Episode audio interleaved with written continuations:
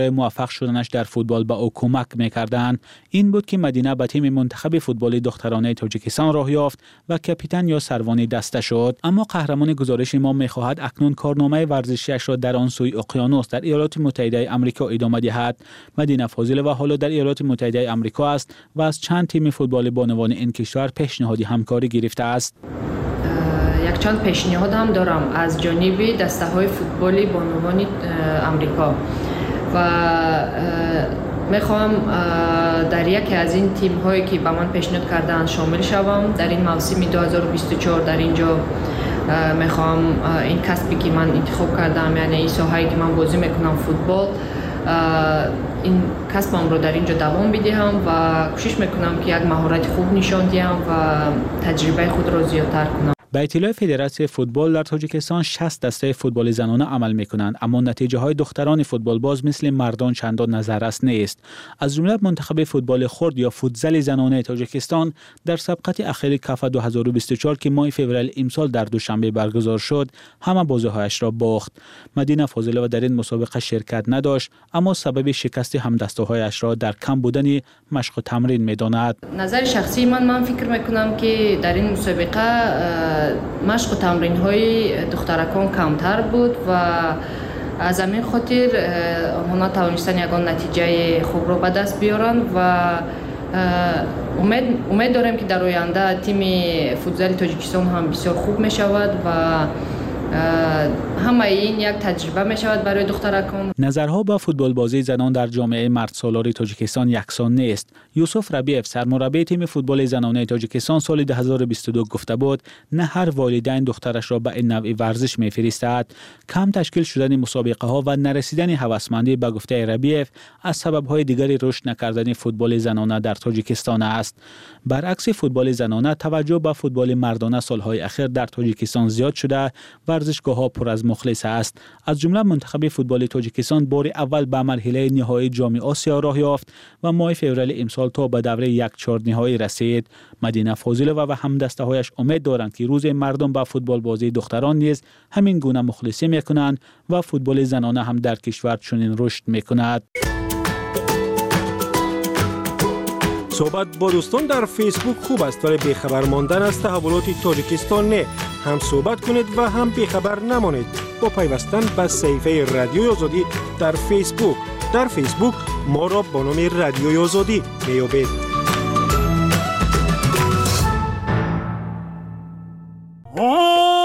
چرخ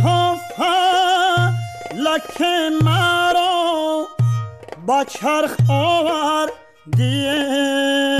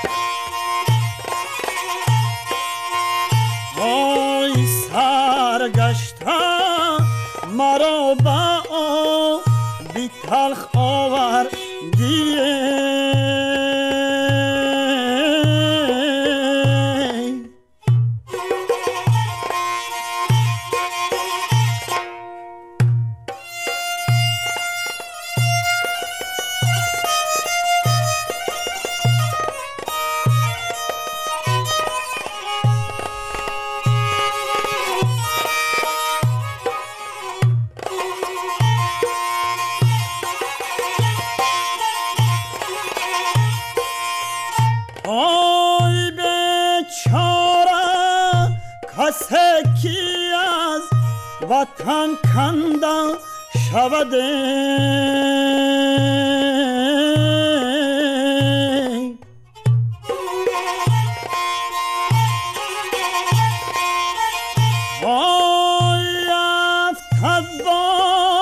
غریبی و با کس بنده شوده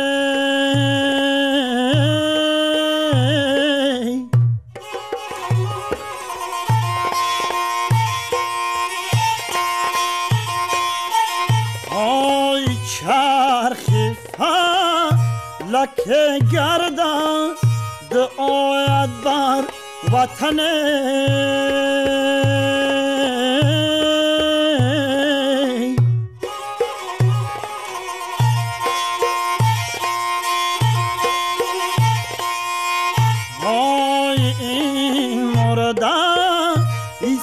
تنها صداست که میماند گنج شایگان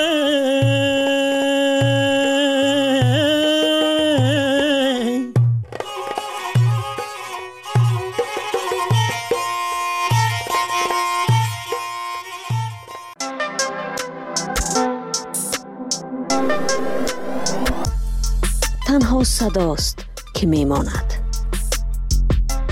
Ганҷи шойгон. Аз гузаштаҳо ногуфтаҳо ва ношунидаҳо. Дар подкасти салими аюбзод. Салому дуруд яке аз қонунҳои рӯзноманигорӣ ва умуман нависандагӣ мегӯяд дар бораи чизе навис ки онро хуб бидонӣ. تمام عمر این قانون را در نظر داشته کار کرده ام.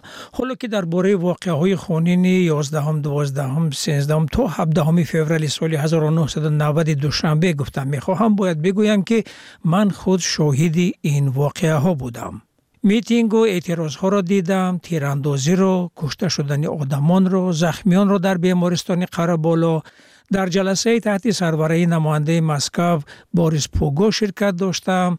شاهد استعفای سه رهبر کشور بودم. اینها کاتب یکم حزب قهار محکموف سروزیر عزت الله و رئیس مجلس غایب نظر پلایف همین استعفا مردم به شور آمده را آن وقت آرام کرد. در زمینه کمیته 17 سازمانی که در میدان تظاهرات تأسیس شد با پیشنهاد حکومت نایب سروزیر بوری کریم رهبری آن گشت. تلاش شد که همراه با وزیر فرهنگ وزیر وقت فرهنگ نور تبروف یک نهاد موقتی اداره کشور سازمان یابد. اما در این بین کمونیستان جلسه برپا کردند. پلینوم پلینوم فوق العاده و گفتند استعفای رهبر خود را تصدیق نمی کنند به این تصدیق چنین استعفا غیر قانونی است. بله از روی قانون این گپ درست بود ولی استعفا در حالت فوق العاده و ضمن سازشنامه اهل میدان حکومت به دست آمده بود که قربش از یک قاعده داخلی حزبی اگرچه این حزب خود دولت هم بود بالاتر به شمار می رفت خوب بهترش رویم به سر اصل مطلب.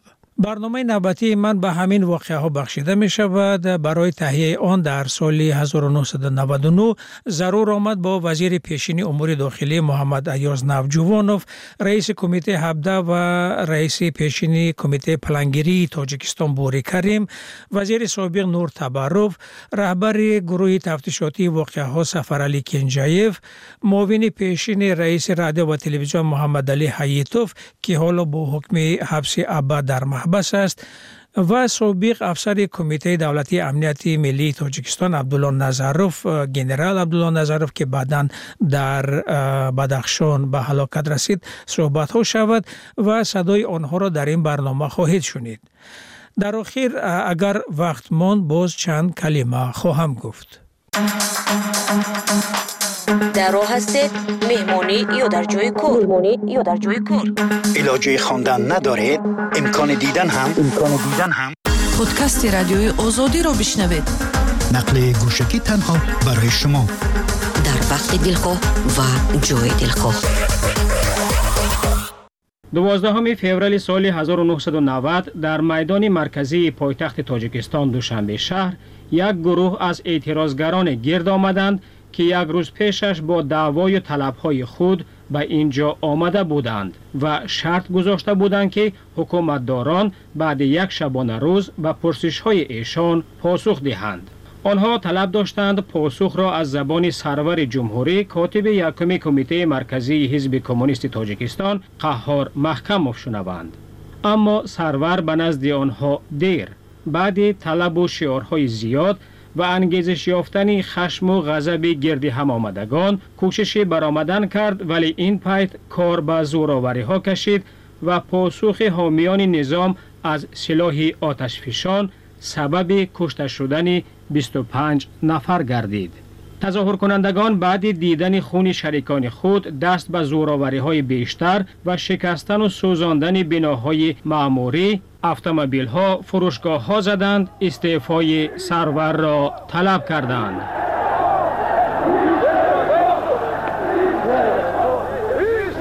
در حالی که برخی از پژوهشگران این واقعه ها را طرحی از پیش آماده شده مسکف و کمیته بخطری تاجیکستان می دانند برخی دیگر آن را اولین پدیده دموکراتی شدن حیات سیاسی می شمارند. برخی آن را مبارزه سلاله ها برای قدرت می گویند برخی دیگر اولین مشق کمبرار نیروهای تازه پیدای سیاسی می شمارند که دیرتر آشکارا به صحنه سیاسی تاجیکستان قدم نهادند.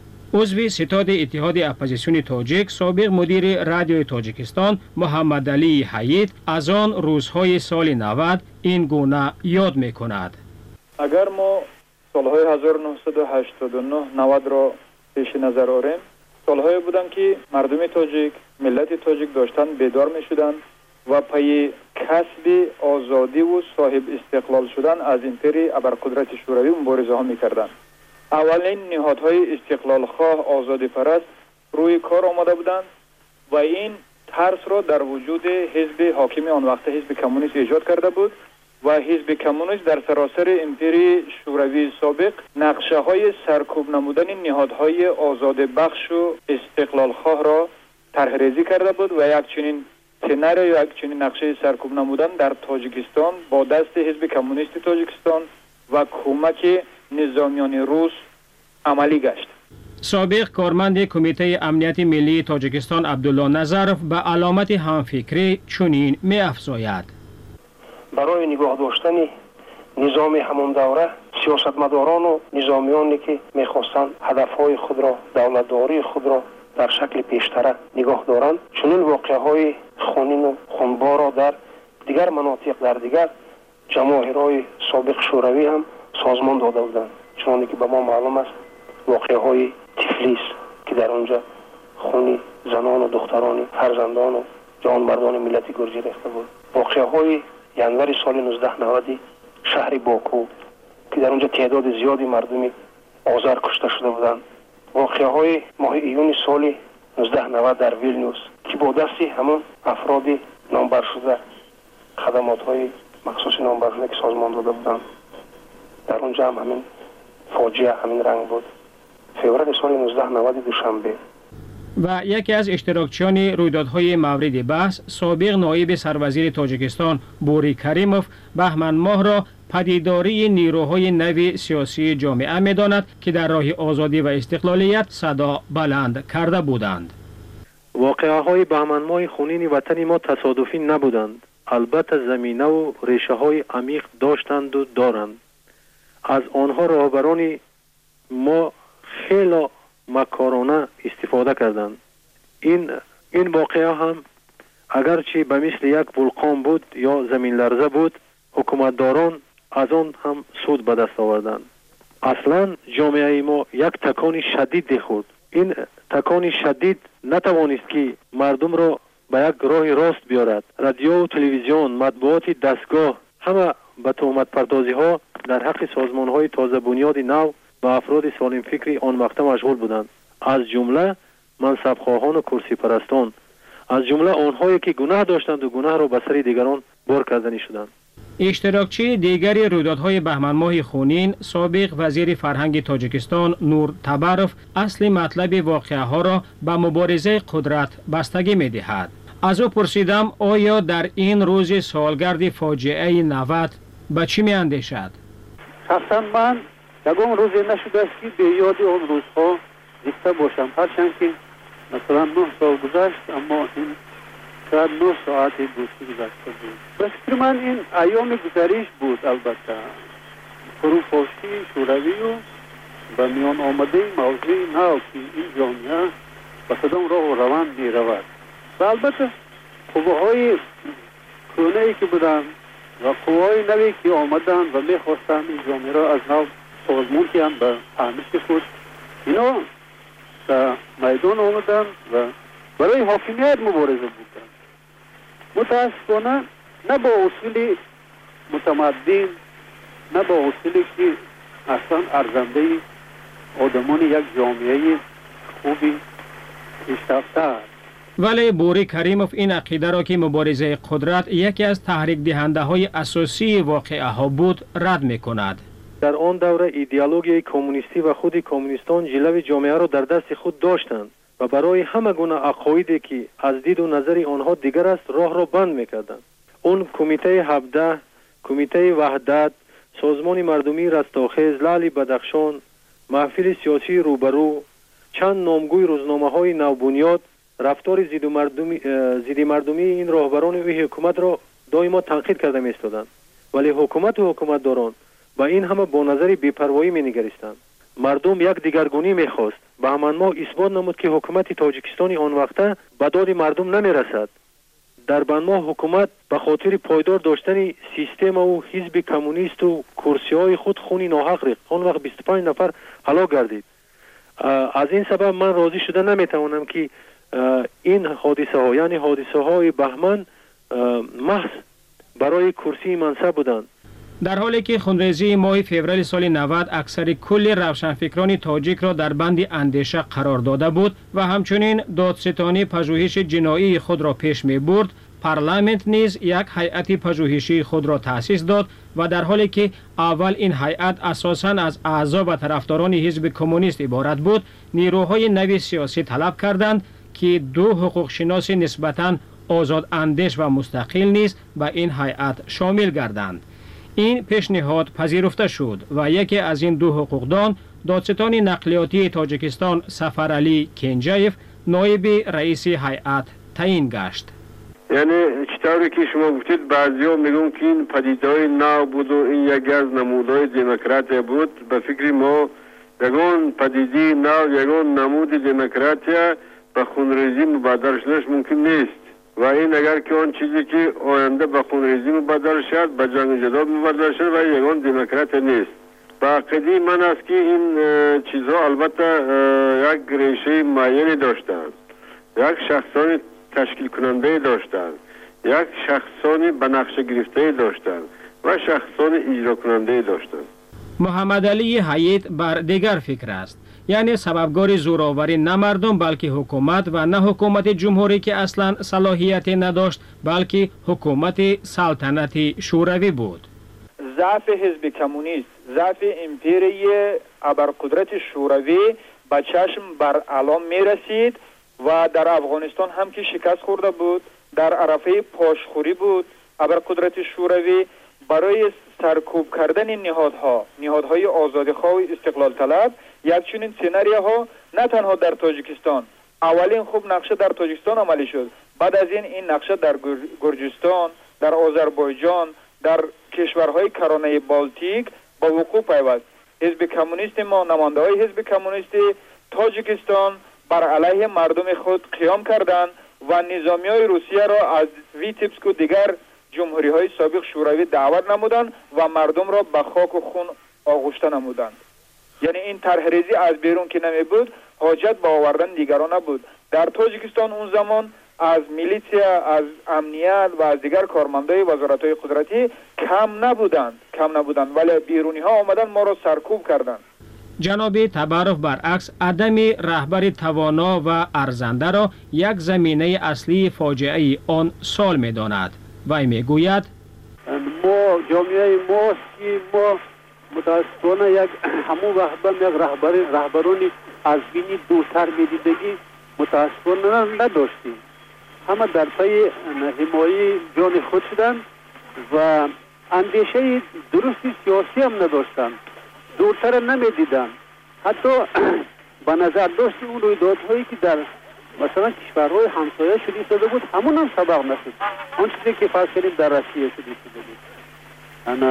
چنان که در مملکت های همسایه خودمون توانستن همون حزب کمونیست توانست خیلی کمتر مثلا رفتار کند. بعضی اصلا نامشان عوض کردن برنامه عملشان ما مطابق کناندن به روند روزگار. اما در ما متاسفانه همین کارم کردن نشد. در ادامه این گفتگو باز یک اشتراکچی دیگری رویدادهای بهمن ماه سابق وزیر امور داخلی کشور محمد ایاز نوجوانوف اظهار عقیده می کند من از سال 1989 تا سال 1992 نویبر وزیر کارهای داخلی تاجستان بودم. در این مدت ما فقط در اداره شدگی در روز. چه به در روز؟ همه بعد در روز جنگ جنجال اسفره بتکلت خرستان سر شد. این دوره بود که دوره دموکراتیزاسی و راست می‌گفتند و دیگر چیزو. و دوره خلق نمی‌فهمید دموکراسی و دیگر چی دیگر چی. دشمنای بیرونی درونی را استفاده برده استفاده برده خواستم که جنگ بین قرغز و تاجیک دوزن ما مدت سه ماه در همین سفر سادیم قطع برادر قرغز تونستیم که جنگ نشود خونریزی نشود. اما نقشه که دشمن کشید نقششون با آخر نرسید. بعد همین حرکت کردن که دیگر جای داشتن به جنگ دوزن این مثلا در قبادیان. این بعد قبادیان که نشد قبادیان که نشد و خاموش کردیم. دوره فevرالی جنگ فevرالی کی نکرد؟ اینا دشمن های درونی بیرونی. یک قسم دولت های خارجی نزدیک خواستن که تاجکستان طرف اونو گردد. دولت های خارجی دور خواستن که دولت اسلامی کنند. این خلق تاجیک هر طرف احمق کردند و استفاده برده یک قسم آدم ها درونی و خلق تاجیک جنگ دخته. خیف دوره جنگ فevرالی هم تونستیم که خاموش کنیم تنجی کنیم اما نکنیم. لیکن بعد اینم خاموش نشد اکثر تحلیلگران بر این عقیده که با وجود افشای بعضی از اسرار بهمن ماه پژوهش واقعیت چه از لحاظ علمی و چه از لحاظ عدلیه از ابتدا به سمت برغلط روانه گشته رویدادهای بعدینه این تحقیق را ناتمام گذاشتند و کوشش این است که باید هرچی شد فراموش کرده شود. جناب نور تبرف می‌گوید اصلا باید بگم که عموما کوشش تحلیل اون حادثه ها در تاجیکستان نه یک بار دو بار شده بود کتاب هم برآمدن. و بعضی اشاره ها هم هست به سبب های هم سیاسی و هم اجتماعی و دست دسته های مثلا قوه های بیرون برون مرزی هم و این چیزا هست این چیزا هست. اما این البته این تقاضای تاریخ است ضرورت تاریخی است ما باید تاریخ خودمون آموزیم. اما این کار یک یا دو نفر نیست. این کار محقق است این کار شخص است که مثلا امکانیت کار بودن با حجت هایی که هنوز شاید پنهانند شاید نیمه ارخیف ها سوخته شدن یادتان باشد اگر از این رو جستجو کردن راه های حل این مشکلات این کار یک دو نفر نیست. تفتیش و تحقیق واقعه ها بعد از واقعه ها با دست حزب کمونیست به باد فنا داده شد و تا به امروز پرده اسرار از روی واقعه های بهمن ماه سال 1990 برداشته نشده است. یکی از سوالهای اساسی در بررسی فاجعه بهمن ماه این است که آیا این رویدادها به واقعه های بعدی نه یعنی گردی همایی های دراز مدت شبانه روزی تقسیم مردم به دو میدان اولین قتل ها اکنون نه از جانب نیروی حکومت بلکه از طرف گروه های مخالف و جنگ شدید داخلی همه این ادامه منطقی رویدادهای بهمن ماه می باشند در این مورد حتی دو نفری که امکان دارد به بسیار مسئله ها طور گوناگون فکر می رانند منظورمان محمد ایاز نوجوانوف و سفر علی کنجایف هر دو هم فیورال 90 را مشق سال 92 می نامند جناب نوجوانوف چنین می گوید وقتی که سال 92 این کسافت های کارا پیدا شدن ضد من سر کردن ضد دیگر آدم ها سر کردن این مخصوص فرمان دولت های خارجی نزدیک بود. خواهی اکنون اگر راست گوییم و طرف دوره ازبکستان ترسید که این دولت اسلامی شده اسلام دولت اسلامی در ازبکستان نشود. دویم خواست که خواهی یک دوره تاجستان آیت ترکستان بوده است که این هم مدل ترکستان گیرد. روسیه نخواست که گیوپولیتیک که چی خود از دست خود مستحکم کند. دولت های خارجی دور مثال افغانستان گیریم پاکستان ایران آنها همسایه ما آنها خواستن که اینا هم دولت اسلامی باشد. اینا از این طرف. بود آدم های درونی بودن که آنها از این استفاده بردن. حتی با همون درجه رسه جنگ و جنجال بین تاجیکا که تاجیکا به چی موندن؟ چیزی چاره تاجیکا بردن. زواد فابریکه نموند. خلق قشاق شد. خلق پولوت شد. هر قدر که درباره رویدادهای فوریه سال 90 صحبت کنیم ایان میگردد که افشای نام به نام سازمان دهندگان این واقعه ها عملی غیر اجرا به نظر می رسد ولی عبدالله نظرов سابق کارمند کمیته امنیت ملی تاجیکستان به این فکر راضی نیست. در مجموع معلوم است سازمان دهندگان آن منفعت های کی را پیاده می‌کردند به کدام مقصد سازمان داده شده بودند. لیکن به طور جزئی عیبداران مشخصا نه سیاسی و نه حقوقی نگرفتند و البته این یکی از جهت های تاریکی همون دور مانده است.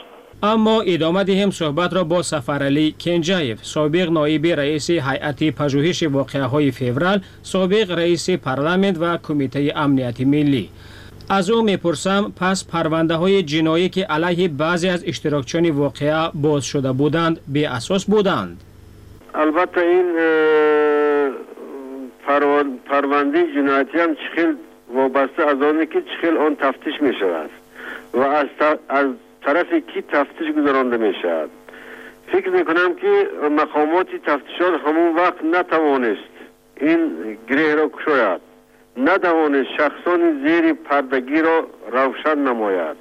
نتوانست آن گناهگاران حقانی را معین کند و عدالت سودی را نصیبش گرداند فکر می کنم که این تنها کمبودی مقامات تفتیشاتی همون وقته ما بود. گزارشی که کمیسیون شما کمیسیون تحت راهبری شما تهیه کرده بود در مطبوعات رسمی تاجیکستان آن وقت چاپ نشد بلکه در خارج از تاجیکستان چاپ شده به دست تاجیکان رسید و باعث گفتگوهای زیاد شد. اما چرا شما همچه رئیس این کمیسیون پای فشاری نکردید که کاری شروع کردهتان را به آخر رسانید یعنی این تحلیل را به آخر رسانده گناهکارا معین شوند. شکر. اولش که من رئیس کمیسیون نبودم من همگی معاون رئیس کمیسیون بودم. دیمش از اون بود که کمیسیونی ما وظیفه گذاشته شده بود که ما به جلسه مجلس عالی همون خلاصه را پیشنهاد کنیم. و باید که جلسه مجلس عالی این مسئله را حل می‌کرد. اون چیزی که بزیمه ما بود ما خلاصه را به جلسه مجلس عالی پیشنهاد کردیم و جلسه مجلس عالی دیده آن را برآمد از این بعدش باید که مجلس عالی وظیفه دار بود. یا اینکه پیشتر شورای عالی وظیفه دار بود که این مسئله را یعنی با سپارشات کرد به آرگان های دخلدار مقامات های دخلدار که این چیز را دقیق خیلی دیده برایند. ولی آنها چنین شورای عالی چنین قرارها قبول نکرد. بنابراین ما کمیسیون دیگر حقوق نداشتیم. از اون روزی که ما به شورای عالی پیشنهاد کردیم وکالت ما تمام شد. انا همین خیلی عجایب است. وقتی معلف شاهد واقعه ها بود و بسیار چیزها را با چشمان خودش دید سپس سخنی آدمان گوناگون را می شنود و می داند که کی راست می گوید و کی نه. نه همه اینجا گپی راست گفتند. خلاصه عمومی اما یک چیز است که بسیاری ها ذکر کردند. واقعه ها را مسکو به دست نیروهای در تاجیکستان سازمان داد. هدف نگاه داشتن نظام پیشینه و شکست دادن نیروهای نوی سیاسی تاجیکستان بود که مخصوصا نیروهای دانا و توانایی که می توانستند یک تاجیکستانی نو مستقل و شکوفان سازند. آنها به هدف سیاهی خود رسیدند. البته در زمینه خطا و اشتباهی که خود این نیروها در کشور به آنها راه دادند و جنگ داخلی که بعدا به عمل آمد تحقیق پره واقعه های فوریه 1990 را غیر ممکن گرداند ولی هیچ وقت دیر نیست اگر خواهیش باشد این برنامه هم یک یادآوری از آن واقعه هاست و اشاره به آن که شاید حالا فرصتی است که گناهکاران فاجعه بهمن ماه خونین یا فوریه 90 آشکار شوند. پایان پادکست گنج شایگان من سلیم ایوبزاد همراه شما بودم. خدا نگهدار. در راه هستید. مهمانی یا در جای کور مهمانی یا در جای کور علاجه خواندن ندارید امکان دیدن هم. امکان دیدن هم. پادکست رادیوی آزادی را بشنوید. نقل گوشکی تنها برای شما. در وقت دلخواه و جای دلخواه.